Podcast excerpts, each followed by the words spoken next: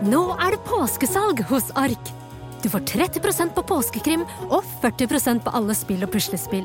Jeg gjentar Ark har 30% på et stort utvalg krim og 40% på spill. Det er mye påske for pengene. Så hamstre påskekosen i nærmeste Ark-butikk eller på ark.no. Otto og Anne tar pulsen på landet. Ja, det gjør vi. Jeg heter Otto Jespersen, og hva var det du het igjen? Jeg heter Anne Grosvold, og hver uke har vi med oss en interessant gjest. Det har vi. Otto og Anne tar pulsen på landet, hører du der du hører podkast. Ready? You have the cameras rolling? He was hosting boozy parties in Downing Street. Well, when the president does it, that means that it is not illegal. I have a dream. We will win this election and we will change the country together. Putin som, som forteller historier som eh, virkelig ikke er sanne. Velkommen. Velkommen. Mitt navn er Eirik Bergesen, Og mitt navn er Sofie Høgstøl. og dette er fortsatt vårt nokså uhøytidelige, veldig personlige forsøk på å gå bak ukas nyheter, lete etter sammenhenger, si noe om fremtiden, på jakt etter det store bildet, sånn som vi ser det. Hver fredag. Og denne fredagen så er vi faktisk ikke alene i studiet nok en gang. Ja. Hva, hva er det, hvem er det som sitter her med oss? Her eh, sitter det to ungdommer. Det er Rasmus og Jonas. Velkommen, Rasmus og Jonas. Eh, De er eh, studenter ved Eller heter det elever? Elever. Elever. På Akademiet videregående her i Oslo. Og jeg skal holde sånn podkastkurs for de faktisk nå ganske snart. Så, og, Og lytter av podden. og de er lyttere av podden. Og de har fulgt oss ca. siden starten. Altså, det, det er så gøy å ha dere her. Det er så gøy å ha den neste generasjonen med, med folk som er interessert i utenrikspolitikk, og er interessert i podkast. Ja. Det, det, det er bare supergøy. Det er veldig, veldig gøy. Og, og i dag har vi jo en sånn Q&A, vår første spørsmål og svar-episode. Og jeg har også bedt gutta om å forberede et spørsmål, så det kommer eh, etter hvert. Det kommer etter hvert. Det var et veldig godt spørsmål. Um, vi skal også prøve å gjøre en liten sånn Jeg må haste videre til undervisning nok en gang. Som alltid. Siste gang i år. Uh, men vi tenkte å gjøre en sånn statsoppdatering på hva det er som rører seg i verden, og svare på disse spørsmålene. Men før vi gjør det, så har vi denne giveawayen fra forrige uke, og så har vi en spennende nyhet. For vi skal jo gjøre noe etter jul, Eirik. Men først så gjør vi giveawayen.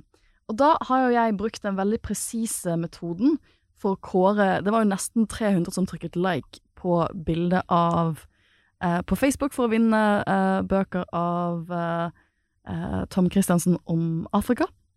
Og eh, ja.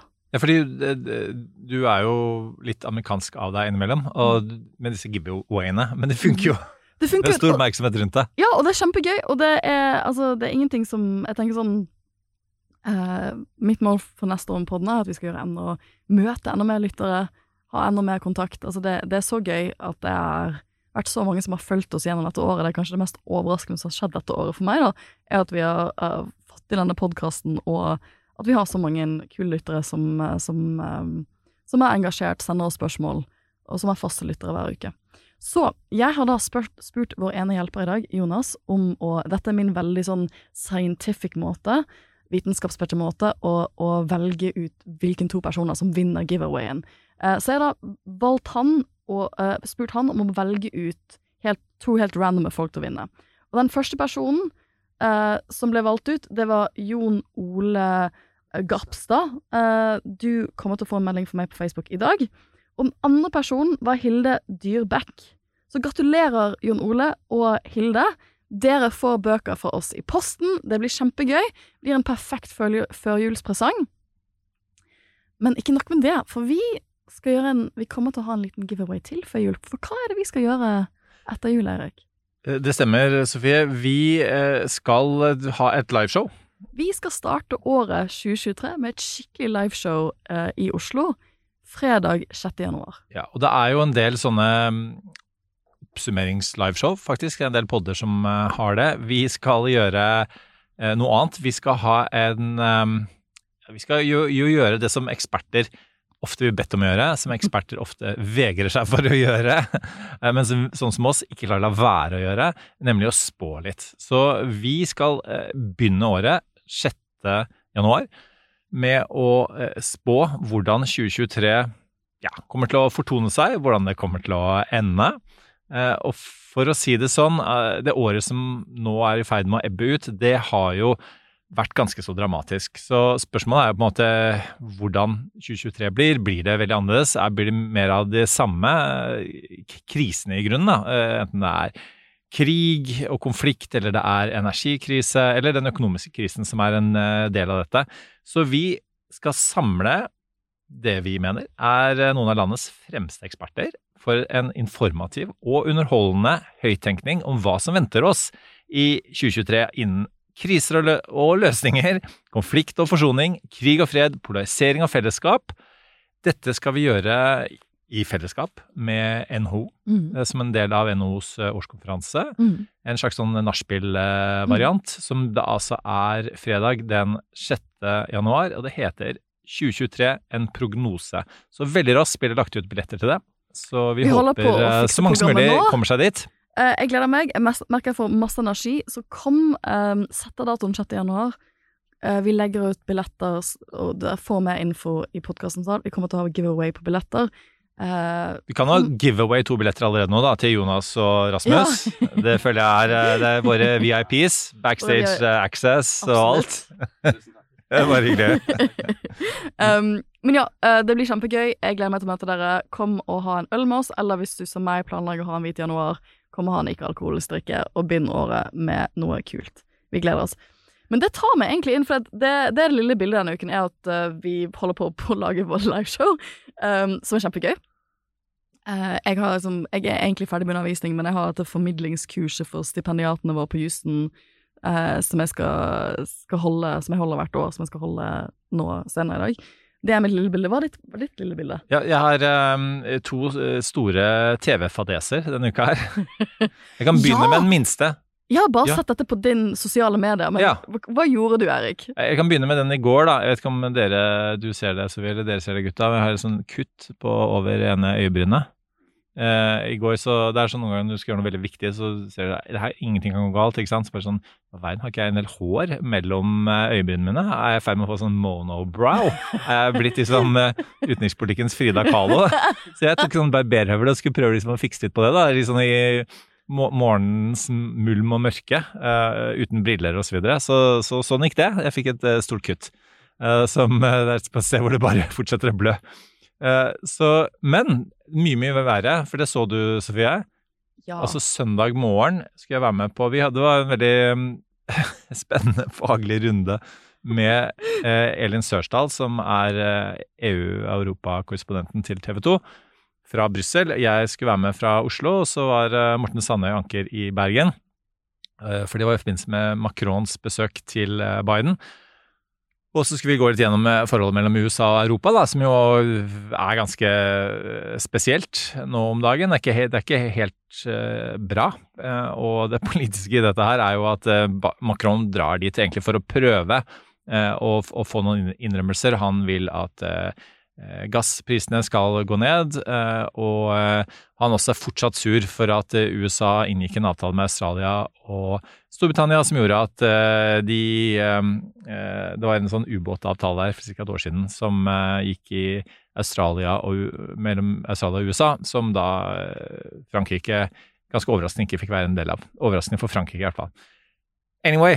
Uh, igjen, Men, men det, var uten ikke, briller. det var ikke det som skjedde. Altså, Tidlig om morgenen. Jeg, hadde fått sånn ny, sånn ny sånn selfie-apparat. fra Du har, du har, du Ja, har pimpet heter, opp hjemmestudiet ditt. Ja, og liksom det er sånn ring, sånn lysring.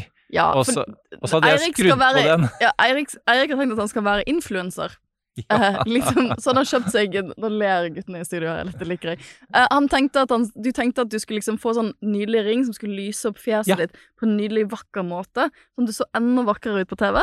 Og det hadde sånn uh, ulike innstillinger. Det visste ikke jeg før etterpå, da. Det er bare å trykke på den første og beste innstillingen, uh, og det, flomlyset kom. Uh, Og så var det samtidig dagslys mer og mer i løpet av sendingen, eller mens vi forberedte, da, til Og så kom litt sånn, litt sånn solgløtt over et sånn Åskammen og så videre. Så og, og fordi jeg ikke hadde briller, så du ser veldig sånn Det er veldig sånn innfelt på mobiltelefonen, så du ser veldig lite.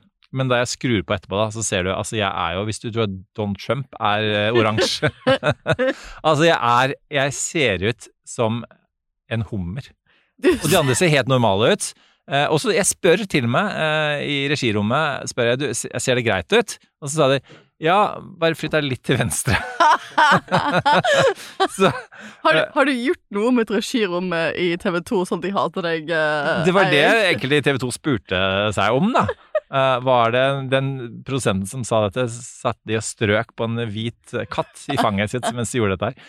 Uh, nei, men uh, det ser helt jævlig ut. Det ser jo ut som du har fått en eller annen hudsykdom som gjør at liksom huden din lyser sånn neonoransje. Jeg er like glad å få prate villvekk. Og det verste av alt var jo at en av de tingene som det som er kalt 'lobster à la controversy' i NBC News, var jo at Biden serverte hummer til Macron, selv om de gjør det alltid på statsbesøk i USA, men det er, det er noen sånne tariffavtaler og noen sånn eh, arbeidskonflikt i hummerbransjen som gjør at det er, er litt betent, da. Men, men som jeg kunne si til eh, mine venner i TV 2, at en hummer eh, som, som eh, prater om en hummer, det var ikke, var ikke verst. Så det bildet av en hummer er mindre rødt enn meg. Jeg elsker det. Se Sånn gikk hør- det. Se og hør neste. Ja, men det, vi, vi får legge ut bilde, bevismateriale, da, Ja. på, uh, um, eh, på uh, Jeg tenker det blir en liten runde i Se og Hør for å snakke ut om den vanskelige tiden. Hvis ikke jeg havner på årskavalkaden i, uh, i TV 2, så vet jeg ingenting. Jeg, jeg kan jo vise dere da, gutter mens eh, Her. Ja. Ok, det er det, det, det, Dette, eh, kjære studenter, er noe man ikke skal gjøre på podkast, tror. Altså vise et bilde til de som er i studio, som ingen av lytterne får se.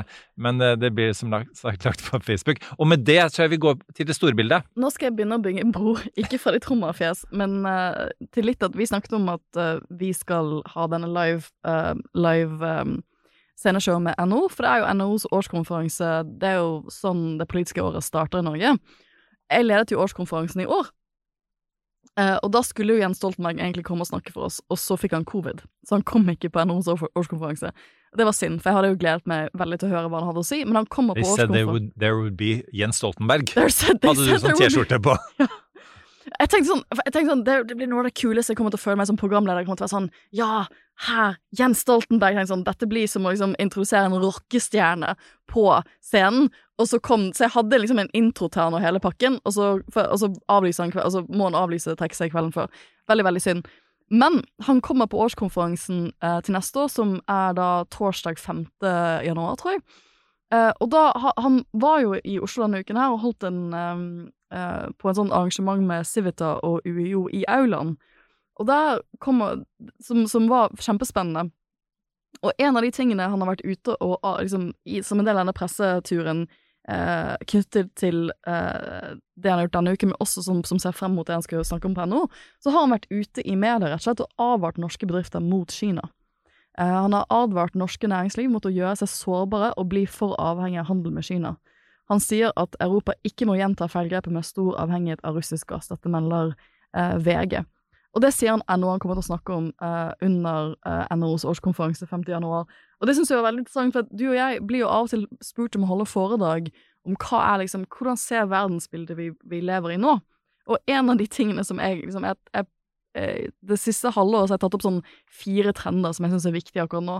Og en av trendene jeg har tatt opp for meg, er at Eh, vi snakker jo om at verdensbildet endrer seg ganske stort, men det som ikke har endret seg, er den langsiktige konflikten mellom Kina og uh, Vesten, som uh, har vært under oppdemning lenge, og som på mange måter, litt interessant nok, virker å ha blitt akselerert, i alle fall i USA, etter invasjonen um, av Ukraina. Og det snakket vi om, det har vi snakket om i podkaster tidligere, tidligere i sesongen. Og det det er jo interessant at Nato, at Jens Stoltenberg, er så tydelig at det er liksom et av de bærende budskapene til, eh, til norsk næringsliv. For i, i, i sånn forlengelse av det, så har jeg sagt i mine foredrag at, at det vi liksom virker å være på vei inn i, det er mer såkalt fragmentert globalisering, som vi for så vidt også snakket om på podden, som egentlig betyr at um, uh, den handlingen uh, vi kanskje ville naturlig gjort med Kina, som ville vært liksom, norsk næringsliv Selvfølgelig skal vi ta og bygge sant, den havnen, eller bygge den relasjonen med et kinesisk selskap, så er det kanskje nå et, en stasjon hvor man tenker sånn oh, sånn, I et 20-årsperspektiv vil det være sanksjoner. Hva, vil, hva vil den globale trenden være for handel da? Og at vi heller kanskje handler mer i vår egen regionale løsning enn å handle på tvers av landegrenser. Men jeg syns det er interessant at det er liksom um, I en tid hvor det er krig i Europa, eh, så er fortsatt Jens Stoltenberg en av hans bærende budskap Kina. Ja, han har jo på en måte disse, de to fremste budskapene her. ikke glem Kina og ikke glem Russland. Ikke, ikke undervurder Russlands kondis, føler jeg det var det han hadde med seg eh, til aulaen i går. Og for øvrig, shout-out til vår eh, friend of the pod, eh, Eirik Løkke, for et glimrende intervju med, med Stoltenberg. Og, og at dette med at og, altså, og, og ære, ære til norske Jens Stoltenberg for den eh, uvurderlige innsatsen han gjør som, som leder. Og han har en type altså Snakk om eh, Q&A. altså Han har gode svar på alle vanskelige spørsmål Mm. når det gjelder dette. Og, og, og det handler om at uh, som, som er ganske vanskelig, og, og, egentlig måte å være presis på også, det at eh, Nato ikke skal være en aktør i eh, krigen mellom eh, Ukraina og Russland. De skal Mm. måtte støtte Ukraina allikevel, fordi at Ukraina har en rett som uavhengig demokratisk stat til selvforsvar. Eh, og så sier han også at eh, den feilen som Russland gjorde med å undervurdere Ukraina, må ikke Vesten gjøre ved å undervurdere Russland. Eh, og det fortsetter han å si eh, nå, i disse dager, og det er verdt å lytte til. Og så er dette med Kina, som jo var Nato vedtok i år eh, et strategisk eh, konsept som skal gjelde eh, i ti år fremover, Mm. som, som handler mye om Kina. Det var jo egentlig det alt skulle handle om for Nato fremover, Mm. før Russland invaderte Ukraina.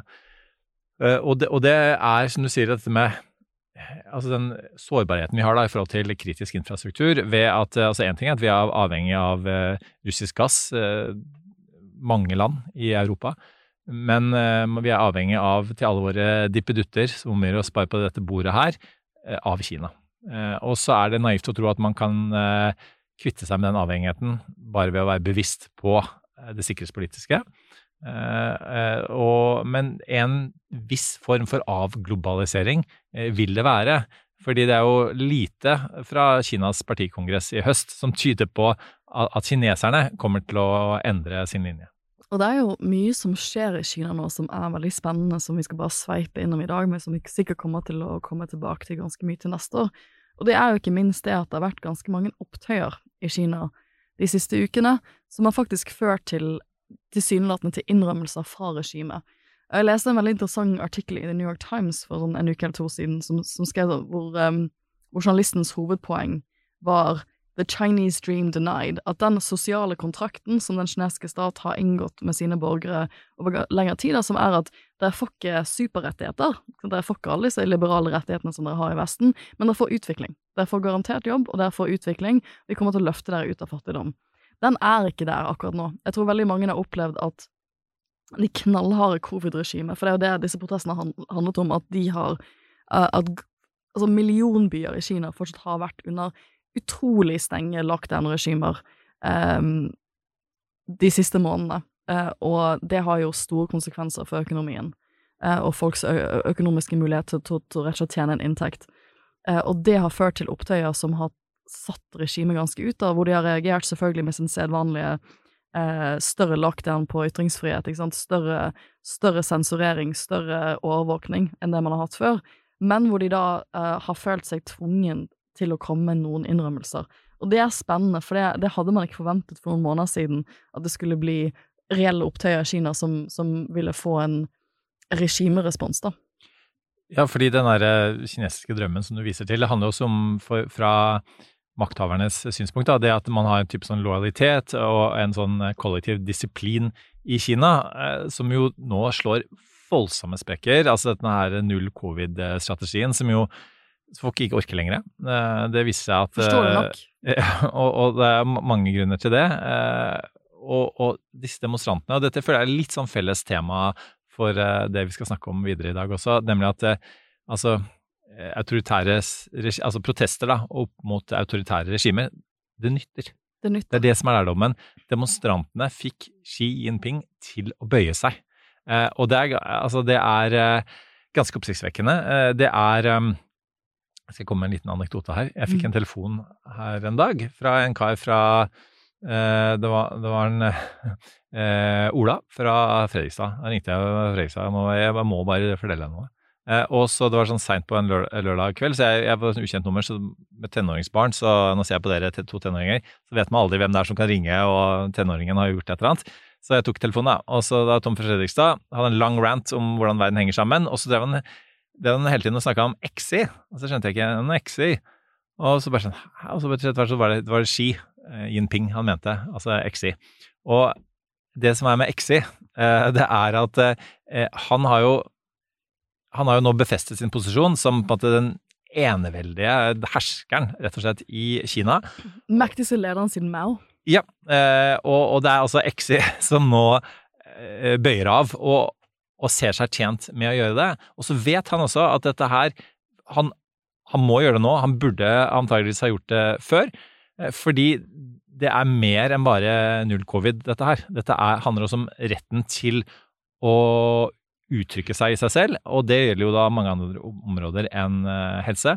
Og vi har hatt denne eh, veldig effektive varianten da, med disse her, eh, blanke arkene som man holder opp, mm. og som når, Altså når du blir arrestert for å holde opp et blankt ark, ja. det sier alt om et regime. Ja, og jeg er veldig spent på, på hva utviklingen blir for Kina i det videre. Litt fordi at det som ligger bak her også, er jo eh, økonomiske konsekvensene av å ha den lockdown-policyen de har hatt over lengre tid. Stor uro, uro, slik jeg skjønte, i boligmarkedssektoren i Kina. Um, ja, og så er det jo dette med, altså Vår venn Exi Ron DeSantis og Exi, det er våre, vårt værmerke nå fremover. eh, han var jo i Hvor har han vært denne uka? Jo, han har vært i Saudi. Han drar vel hjem i dag og møtt eh, Mohammed bin Salman, kronprinsen der, og den reelle lederen. Signert 34 avtaler um, mot Bidens råd. Kina importerer olje og gass fra, fra Saudi, så de har allerede tett kontakt, men de tetner nå kontakten.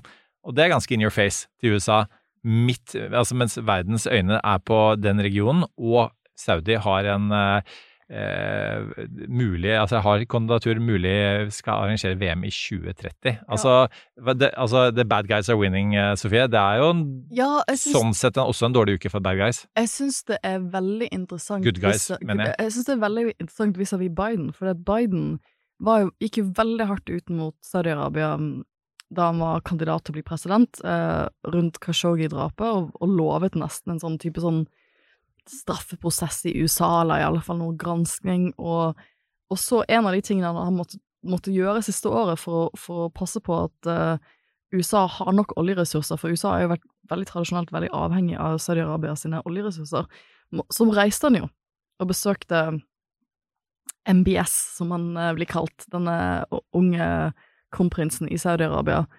Eh, og som han da beskyldt for å drepe Kashoggi, eh, og måtte liksom nesten kiss the ring. Så han måtte, fikk kritikk på hjemmebane for at han ikke tok opp menneskerettigheter, for han ikke tok opp uh, Kashoggi-drapet ordentlig, og måtte liksom si jo, jo, men vi snakket om det, liksom. Um, for de det, er veldig forsiktige når det gjelder å kritisere Saudi-Arabia. Det ja, er de. For, at, for at han tenker at nå er vi i en stasjon, nå er vi i den stasjonen vi er med Russland, da må vi sikre oss uh, oljekilder andre liksom, da, må vi, da må vi virkelig sikre opp uh, dette andre steder. Og så det vi egentlig har sett, er jo Saudi-Arabia som trekker seg unna USA. Eh, som har snudd seg litt, som, har snudd, eh, som virkelig har snudd seg fra USA. Eh, og nå dealer åpenbart med liksom, tetter båndene til Kina, gjør en del andre ting, ikke ville hjelpe Biden oljemessig, slik de spurte om for noen uker siden.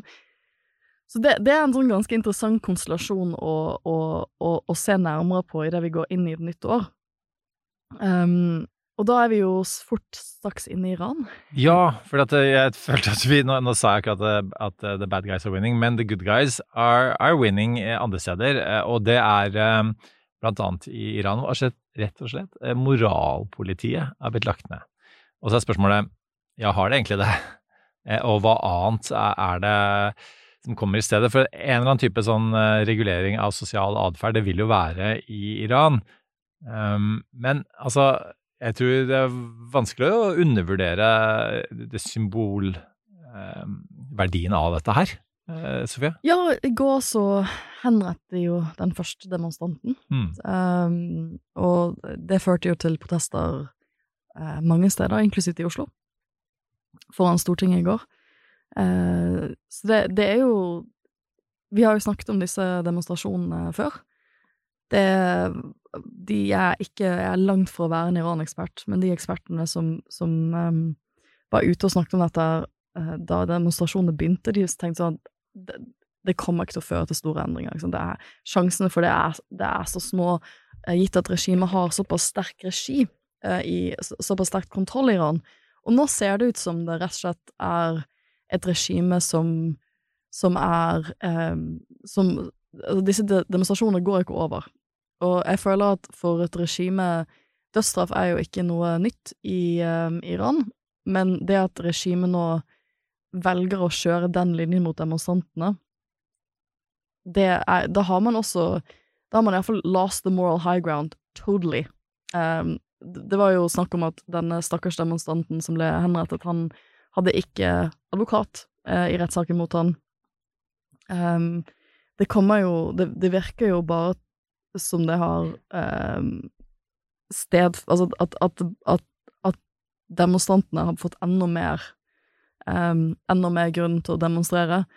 Og så har det vært noe snakk i For det, nå er det jo masse rykter som svirrer rundt hva er det regimet gjør. Det har jo vært uh, rykter som har svirret siste uken uh, om at regimet har begynt å se seg etter, eller begynt å se muligheten, eller kartlegge muligheten for steder de kan søke eksil, hvis dette går virkelig feil vei. Uh, så det ting virker å henge litt i balansen. altså Ting virker å være på et slags vippepunkt i Iran nå. Ja, og, det er på en måte noe av det um, positive med begge disse situasjonene her. At, at, at, at bare at man spekulerer da, eh, i disse tingene her, at det er et eller annet som vipper. Helt hva det er som vipper, og hvilken retning det vipper, det er vanskelig å si. Eh, og dette, vi skal ikke glemme at dette er to regimer, altså både Kina og Iran, som har eh, vart lenge. Eh, og det er en grunn til det. Det er for at de er veldig tilpasningsdyktige. De bytter jo til og med ut lederne i disse regimene, i motsetning til, til Russland, eh, som har hatt Putin lenge nå, hvis de må. Eh, og og, og det, det, altså, men det at, Jeg skal ikke si at presteregimet vakler, eh, men at de har reagert eh, for lite og for seint på det som nå har skjedd, de ikke helt har forstått det. Eh, og det er jo det som vi ser også i Russland, som er altså når du har på en måte ja-folk rundt deg overalt, og, og på en måte du, du selv blir et offer for manglende informasjonsflyt i samfunnet, så, så klarer det er vanskelig å beregne trekkene dine. Og her er det åpenbart mm. feilberegna. og ganske inspirerende også å se uh, de, de, demonstrasjonene som er, uh, hvor, altså hvor folk, uh, menn, står opp mot politiet som, som prøver å regulere kvinner som går uten hijab. Det er ganske inspirerende. Og dette med informasjonsflyt tar oss egentlig på mange måter inn i Russland, for en av de mest interessante artiklene jeg leser denne uken, handler om i hvilken grad Putin nå har et mer realistisk bilde av hvor dårlig det går i Ukraina. Eh, og det Artikkelen gikk ut på at eh, i begynnelsen av invasjonen så har hans, eh, hans egne rundt han ikke De delte ikke et helt realistisk bilde av hvor dårlig krigen gikk, men at han nå har fått mer og mer informasjon eh, om, om, hva som er den egentlige tilstanden, og for meg er det litt sånn utenkelig For meg er det litt sånn vanskelig å å forstå egentlig at du kan være eh, en statsleder for en så stor stat som Russland, og ikke liksom lese internasjonal og, og, og ha startet en krig med nabolandet ditt, og så ikke ha full altså kontroll på hva som egentlig skjer. At du kan sitte der på mange måter da, og ha rådgivere som ikke snakker eh, Som ikke gir deg det fulle bildet. Og så sjekker du ikke informasjonsmessig i den flyten. Hva er det internasjonale medier sier? Det er jo ikke vanskelig å finne ut av disse tingene. Hva beveger seg? Det, det, det, det, vi må få Karen Anna Eggen tilbake for å gi oss et bedre bilde om hvordan det er mulig, liksom. Hvordan kan du starte en krig og ikke vite, og ikke ha et fullt ut informasjonsflyt om hvordan den krigen går? Og det som også var interessant med Stoltenberg i går, var jo nettopp det at eh, Nato visste akkurat hva de holdt på med. Nato hadde full informasjon om troppeforflytninger. De hadde eh, altså både da teknisk militær og, og sikkert etterretning da, i form av eh, folk på innsiden. Så fortalte de hva som var i ferd med å skje, og så var eh, over lengre tid, da, eh, relativt sett, i kontakt med russiske myndigheter for å si at ikke gjør dette. Eh, fordi det er en veldig dårlig idé. Det vil føre til dette, dette, dette. Eh, og så trodde helt åpenbart Putin at nei, det stemmer ikke. Det vil føre til eh, noe annet eh, og bedre som jeg tjener på. Eh, og så, og så er vi der vi er i dag. Du nevnte den nyheten du har fått med deg. Jeg har fått med meg at Putin skal ha falt i en trapp og drete seg ut i bunnen av trappa. Fikk du med deg det, Sofie? Nei. Nei. Fikk dere med dere, gutta? Nei. Ok, dette var, eh, dette var på Telegram, men eh, det utrolige her da, er jo at dette nådde til og med nyhetsmedia. Det var Daily Mail som hadde dette her. Ja. Eh, og gudene vet om det, om det stemmer, men det at måte, man diskuterer sånne ting er jo en ydmykende greie for, for Putin. Og en av grunnene til at jeg nevner dette her, er at det kommer også i ledtog med ting om at han, han skal ha kreft, og at han er døende osv. Mm. Og, og, og det spurte jeg faktisk Eirik Kristoffersen om, vår forsvarssjef, da han backstage, da vi hadde han på på TV-programmet vårt tidligere, eh, og han sa at ikke lytt for mye til eh, Ja. den type rykter, for at det er eh, det er eh, folk som, som, som setter ut for å på en måte skape et inntrykk, altså for å svekke da, eh, med en person som Putin, Eh, men, men det stemmer ikke. De har også folk som eh, ser på dette her, og, og det er eh, wishful thinking, enten det er eh, å drite seg ut eller å ha kreft. Men når vi snakker om Putin, så tenker jeg vi skal ta dagens første spørsmål. Ja, for det er fra Lillian Solheim, og det eh, handler om om Putin er president om ett år. Ja, og det er jo det store spørsmålet, for jeg føler en av de tingene som har vært oppe til debatt denne uken, det er jo hva er Vi har jo snakket lenge i podkasten om hva er veien ut av denne konflikten. Og Stoltenberg var jo veldig tydelig i aulaen på at han, det han ser som den eneste realistiske løsningen, langsiktløsningen på krigen, det er eh, en forhandling. Det er formelle fredsavtaler. Um, og det har jo vært diskutert denne uken i forskjellige forum. Macron har jo også vært ute og snakket om hvilken type um, innrømmelser Europa eventuelt må komme med uh, i en sånn type prosess, og det har jo skapt uh, kontroverser, uh, for noen mener at han nok har gått for Eller noen mener at han sender feil signal ved å snakke om liksom hvilken sikkerhetsinnrømmelser vi må komme med for at Russland skal føle, skal føle for å komme til forhandlingsbordet. Fordi eh, det han også sier veldig tydelig, er at eh, eh, styrken ved forhandlingsbordet er avgjøres av styrken ved slag, på slagmarken. Med andre ord, man må fortsette å kjempe. Man man kan, og kan i hvert fall ikke si til Ukraina at nå må de gå til forhandlingsbordet. Det må de avgjøre selv, basert på styrken med slagmarken. sånn at dette vil jo i beste fall være en parallell prosess. Eh, godt spørsmål om Putin er president om et år. Hadde, hadde spørsmålet vært et halvt år, så hadde jeg sagt ja. Et år mm, Jo, jeg, jeg tror nok vi må eh, forberede oss på ja, han er president om et år, og krigen kommer til å fortsette å vare i et år, eh, dessverre. Fordi det vi ser i, i, i krigen nå, det er jo at eh, man har endret strategi, eh, og man eh, eh, hamrer nå løs russerne på Ukrainas kraftstasjoner, altså deres infrastruktur, strøm, varme nå i vinter. Eh, og så svarer Ukraina med å sende droner langt inn i Russland. Ja. Eh, og det svaret er også et veldig tydelig tegn på at eh, Russlands strategi virker ikke.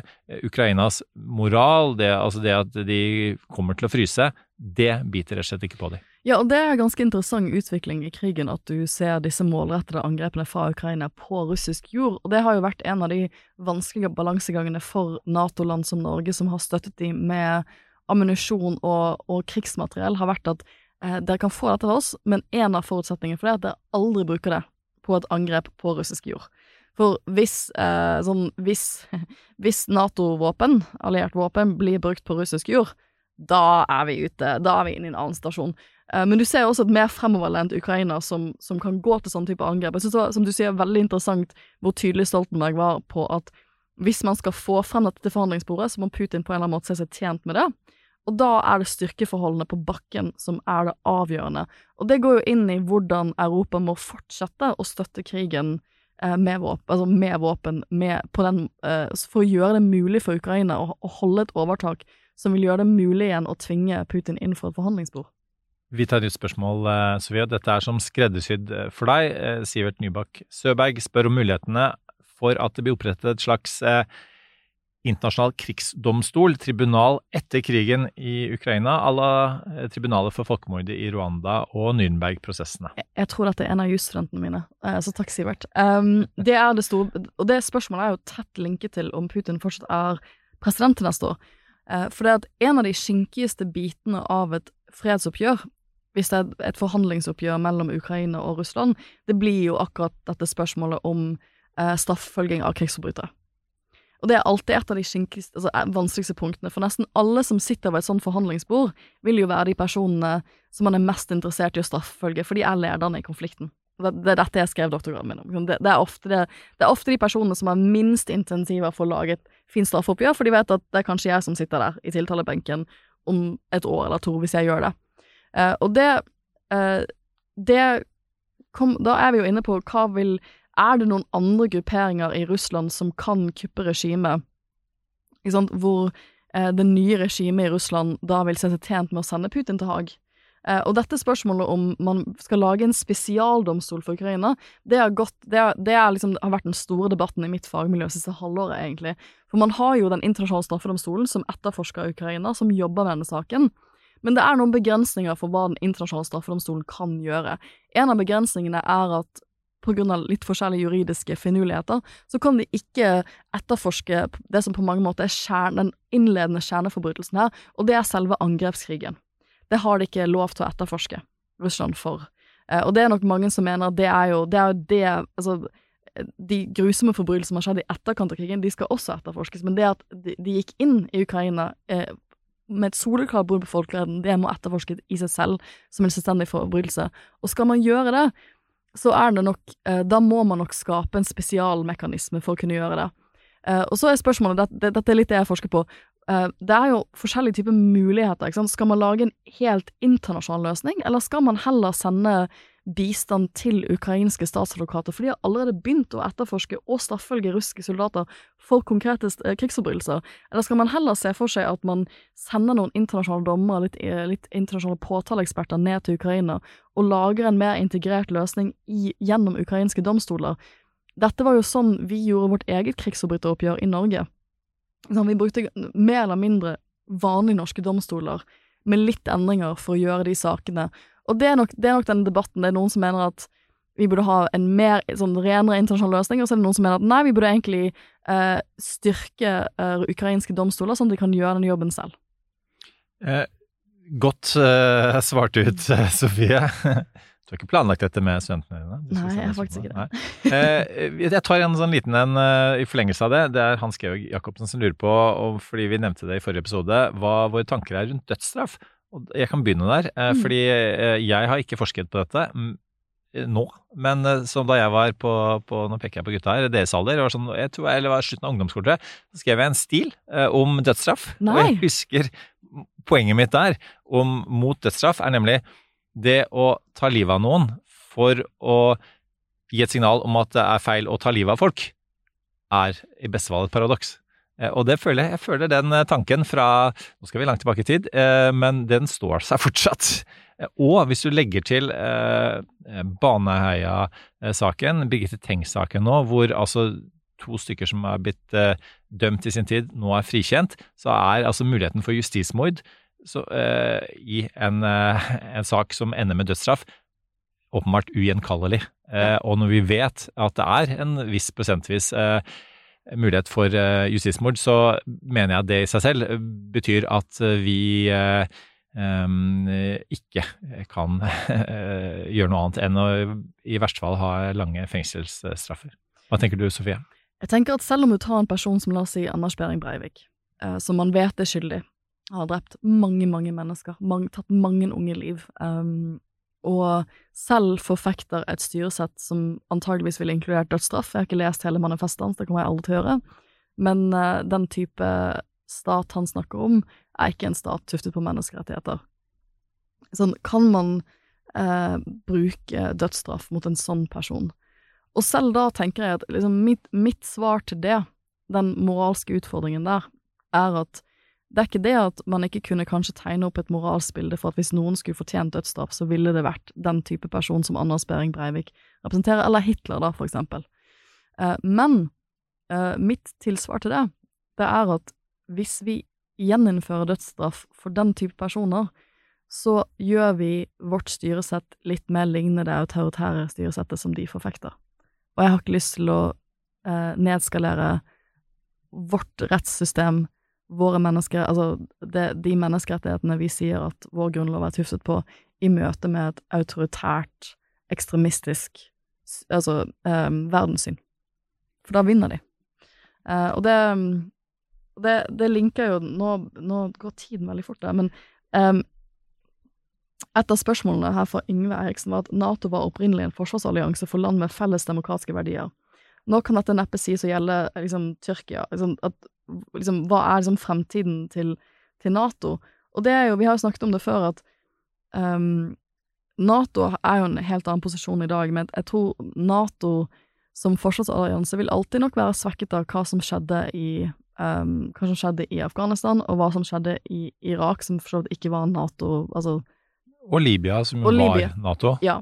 Eh, og som han eh, påpeker også dette med, med Tyrkia, ja. som jo helt åpenbart ikke er uh, demokratiets Nei. fremste fanebærer. Nei. Nei. verken nå eller tidligere. Altså, vi skal ikke glemme at da Tyrkia ble medlem av Nato, så var det jo mye mye verre. Det var en ordentlig mm. militær uh, junta. Mm. Så det har alltid ligget der. Og så nevner også Yngve Eriksen her at dette med, med, hvis Trump kommer tilbake, uh, så, så, og det autokratiske Jeg tror vi skal være forsiktige med å kalle Trump en autokrat, selv om det åpenbart er noen trekk der. han har jo vært ute denne uken og ville satt til side, tatt til ord for å sette til side den amerikanske grunnloven, så han har jo ja. ja. og Trump 2.0, eh, som dermed i utgangspunktet ikke skulle kunne gjenvelges, er det umulig å spå hva han vil gjøre.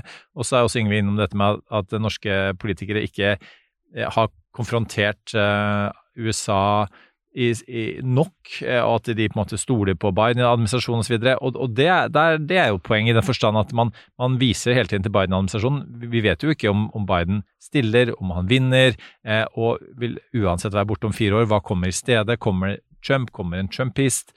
Osv. Og, og det er eh, det spørsmål, og jeg er helt med på at vi har vært altfor forsiktige med å kritisere eh, Trumps regime gjennom fire år. og mm Si hva du vil om Stoltenberg, som vi begynte sendingen med, men, men det er klart at uh, han som ofte blir kalt en slags sånn Trump whisperer, altså en person som måtte har Trumps øre, han har jo valgt å være veldig pragmatisk eh, opp mot eh, Trump.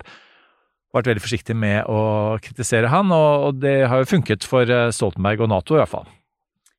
Det er et godt svar, og vi, som vi har vært inne på før, jeg tror at skal Nato ha noe legitimitet i det videre, skal de ha står der høye og mørke som man gjør nå, med, med å påberope seg menneskerettigheter og folkerett, så kan man ikke selv flørte med uh, å, å, gjøre handlinger som grenser opp mot å bryte det. Det tror jeg det, det er en um, Det er noe vi må være veldig mye mer tydelige på i det videre. ikke sant? De torturforbrytelsene som har blitt begått um, i eksempel i Irak, ikke sant? det uh, Abu Ghraib, det er noe som det er en type skamplett som man, man, man, ikke kommer tilbake fra når man først har tatt the moral high ground. Eller forsøkt å ta det. Nå ser jeg, jeg må, for jeg må snart løpe og undervise, men nå ser jeg på Rasmus. Rasmus uh, for det, dere hadde et skikkelig godt spørsmål. Ja. Har vi Skal vi se, det er kan, Du kan eh, ta og lese det, eller du kan ta og si det rett inn i mikrofonen hvis du vil. Ja, det er jo angående VM i Qatar, da. Mm -hmm. um, og hvordan dette mot alle odds er i ferd med å bli en suksess, rett og slett, og bli vellykka. Um, og jeg ser i mediet stadig mindre om boikottingen og mer om faktisk kampene. Så det er liksom spørsmålet om boikotterne har tapt, og om sportsvaskingen har vært vellykka. Det er et veldig godt spørsmål, eh, og det var på blokka mi også i dag, så eh, like minds, eh, Rasmus. Er, jeg, for jeg sitter og stiller meg samme spørsmålet. Um, jeg merker på meg selv at jeg, for vi har snakket om Qatar-VM i denne poden også, at at når du jobber i media, så kan man på en måte ikke unngå eh, å forholde deg til det. Du må, man gjør sånn som det som, som TV 2 og NRK sammen har budskap om, hele historien. Man skal følge både det politiske og vidt det sportslige. Um, og så har det skjedd så mye på arenaen av politiske ting, ulike markeringer fra spillere og trenere osv. som har gjort det relevant. Uh, så merker jeg at de er også fanget sitt av, av, fotball, som jo det er hele poenget med sportsvasking. At du, skal, du vil at supporteren skal havne i en, egentlig en umulig situasjon. Eh, fordi at de Fotball er og sport er jo noe vi i utgangspunktet søker oss til for å, unn, for å slippe å tenke på politikk. Eh, og ikke minst det fæle som kan være med, med politikk da, eh, innimellom. Eh, og det eh, på, på en måte så ser det ut til å funke. Samtidig så tenker jeg altså, den store forskjellen fra dette VM-et, hvis du sammenligner med eh, Russlands VM i 2018, er at da, i det at fløyta gikk, så, så slutta man å diskutere eh, disse tingene her. Da var det liksom fotballen som var sentralt. Nå føler jeg at man fortsetter å diskutere det. Eh, Senest i denne uka her så var det en fremmedarbeider som døde eh, på jobb. eh, Og det fikk en del oppmerksomhet. Eh, Jeg vet at, eh, i hvert fall fra at dere to fortsatt har folk der som, som dekker disse tingene her. Eh, Og, og så senest i går diskusjoner om eh, Fifa-president Infantino, hvorfor de ikke viser han på storskjerm, f.eks., for, eksempel, for han er upopulær der nede. Altså, eh, fansen som er til stede, som har reist dit, og det har på en måte inngått en eller annen kompromiss da, med seg selv, i hvert fall, eh, liker ikke Infantino og det Fifa gjør. Sånn at de klarer å holde de to tankene i hodet samtidig. Eh, og så selvfølgelig, så det, er jo, det har vært et sportslig spennende VM etter hvert, og det, og det vil jo åpenbart få eh, mer å si i eh, mediene. Men jeg, jeg, jeg, føler, jo da skal vi tilbake til eh, Vegard Jansenhagen, sportsredaktøren i TV 2, som sa at dette VM-et representerer et tidevannsskille i sportsjournalistikken. Altså man, man det økonomiske, finansene, pengene har allerede blitt en del av sportsjournalistikken. Nå er mer og mer, og det politiske en del av det, og menneskerettigheter. Og det, det, det tror jeg kommer til å bare forsterkes. Eh, og så er den store testen om eh, det blir eh, VM i Saudi-Arabia i 2030. Og hvis det blir det, da er det bad guys really winning in the world. Jeg tror det som er interessant med spørsmålet mitt, ditt, at du, du, du går på noe som er kjernen her, og det er sånn hvem, hvem, Hvilken øyne ser på dette VM-et? Sånn, vi snakket jo om Vi hadde en hel episode om VM, og mitt, min tanke var litt sånn at fra et vestlig perspektiv så er det nok noen som driver med boikott, og, eh, og det har blitt mye diskutert, men hvis du sitter og følger dette her i India, eh, eller i Singapore, eh, eller ikke- ikke-vestlige land, hvordan, hvordan opplever du dette, dette VM-et, og jeg, jeg tror at vi må være igjen, fra et vestlig perspektiv, veldig åpen for at vi, våre perspektiver er ikke universelle. Jeg tror vi har en sånn tanke av og til om at det vi tenker er liksom den universelle sannheten som alle andre land også tenker. Sånn er det ikke. Eh, og jeg tror du ser en ganske sånn tydelig splittelse her i hvilken land som eh, hvor dette, hvor boikott har vært diskutert, og hvilke land, store fotballnasjoner, har det ikke vært diskutert. Eh, dette, vi, dette, dette er et kjempegodt spørsmål som vi må se på videre. Eh, jeg, jeg tenkte jo i mitt stille sinn at jeg nesten jeg måtte se liksom, Hvis Senegal hadde kommet videre Det gjorde de dessverre ikke. Jeg bodde i Senegal i seks måneder, men liksom, Senegal, hvis de kommer det, det er liksom, Jeg har vært på fotballkamper i Senegal, det er noe av det mest rene sportsgleden jeg har vært, liksom, vært med på. Men det at de ble danket ut, hadde de gått videre, så hadde jeg måttet se på den kampen. Da var jeg sånn åh, kommer jeg til å greie å liksom holde boikotten da? Men um, dette er alt det jeg hadde tid til i dag, for vi må runde av med ukens uh, eh, påkobling og avkobling.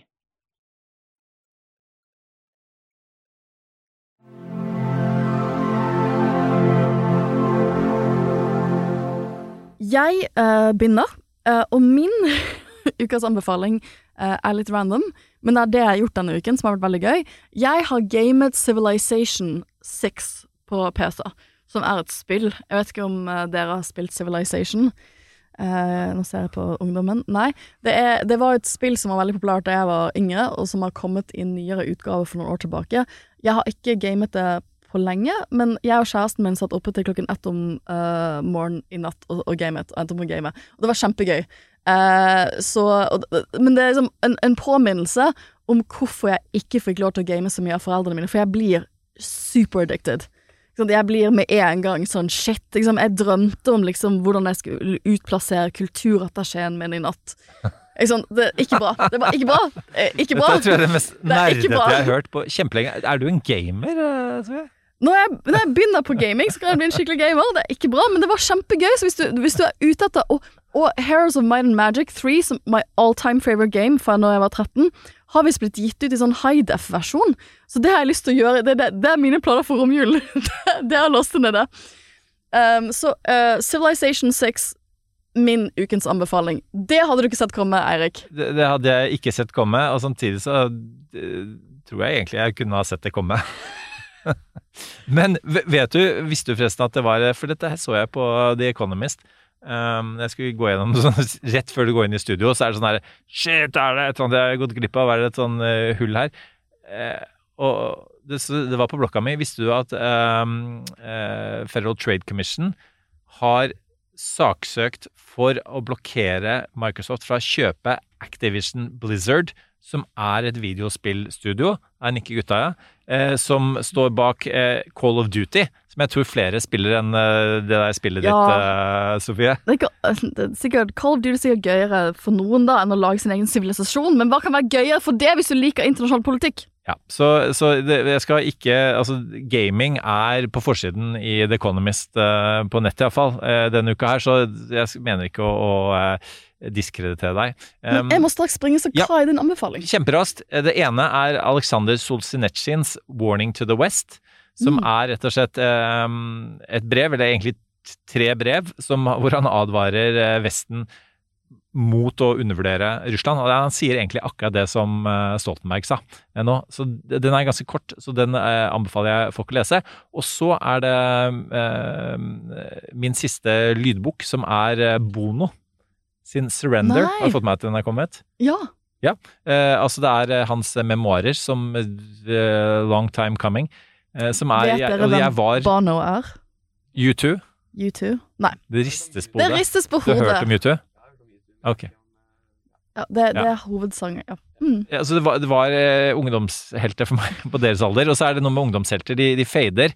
Så, men jeg gir Bono en ny sjanse, og, og er ca. halvveis. Det er kjempe altså Det er fantastisk med lydbøker i våre dager. At det, det, de spiller til med snutter av U2-sanger, det er sånn lydkulisser. Det er veldig veldig gøy å høre. Du er hensatt til datidens Dublin. Jeg var student i Dublin, studerte eh, politisk filosofi der, faktisk, eh, i, eh, på bachelor. Sånn at det er eh, Jeg koste meg med, med 'Surrender' av Bono. Og så er han selv veldig oppmerksom på at eh, han kan bli litt vel selvhøytidelig i forsøket på å redde verden på egen hånd. Men hans poeng er at eh, det handler egentlig ikke om å redde verden, det handler om å redde seg selv. Så det er liksom sånn Det er liksom plot-twisten her, da. Så eh, spoiler alert. Kjempegøy. Med det, Sofie, da skal du få lov til å løpe ja, ut av studio. springe. Jeg, jeg vil bare Um, si til lytterne ja. våre at vi kommer med mer info neste uke om liveshowet. Ja. Og neste uke så har jeg lokket til meg en helt spesiell gjest til podkasten, som også kan svare masse om norsk økonomi, økonomi men også kan svare på en del av de USA-spørsmålene vi fikk i, uh, i spørsmål og svar. Så det skal vi runde litt Ja, så vi kan, vi, det vi ikke rakk uh, i dag av spørsmål og svar, det skal vi rekke da. Uh, og vi skal også snakke om statsbudsjettet. Det er en av grunnene til vi har med en økonomigjest.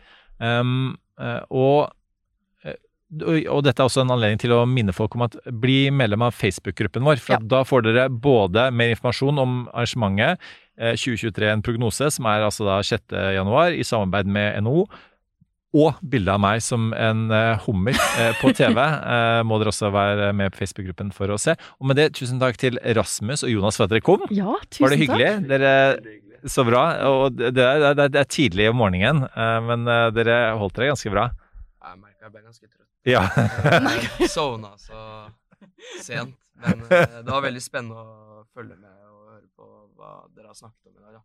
Var veldig gøy å ha dere her. Veldig hyggelig. Og ser fram til å besøke videregående på dere. Og også bare og egentlig få noen tips fra dere òg, som jo tross alt er eh, For unge mennesker hører på pod. Ja. Eh, over halvparten av våre lyttere er under eh, 35 år. Det er jo Mm. eh, veldig gøy. Det Kjempegøy. er liksom Det er eh, om, det, om like mye Ikke like mye som gaming, men eh, jeg skulle ikke si at, at pod er det unges medium eh, helt enda. Men, eh, men vi har også noe å lære av dere, så se frem til det.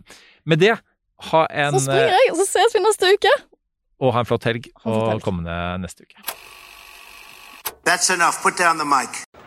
Er det noen som har hørt noen ting som helst om faktura 100374? Venter fortsatt på innbetaling fra 10.03.30, og en hel haug andre som er langt over forfall. Ja, men eh, De pengene de må inn på konto nå! Vi skal jo investere nytt utstyr! Vent litt, og pust med magen. Med Amili, en ny helhetlig løsning fra Visma, får du alt du trenger for raskere betaling og rom for å gjøre de investeringene som trengs. Og det beste av alt, du kan bruke tiden mer verdifullt. Se hvordan på amili.no.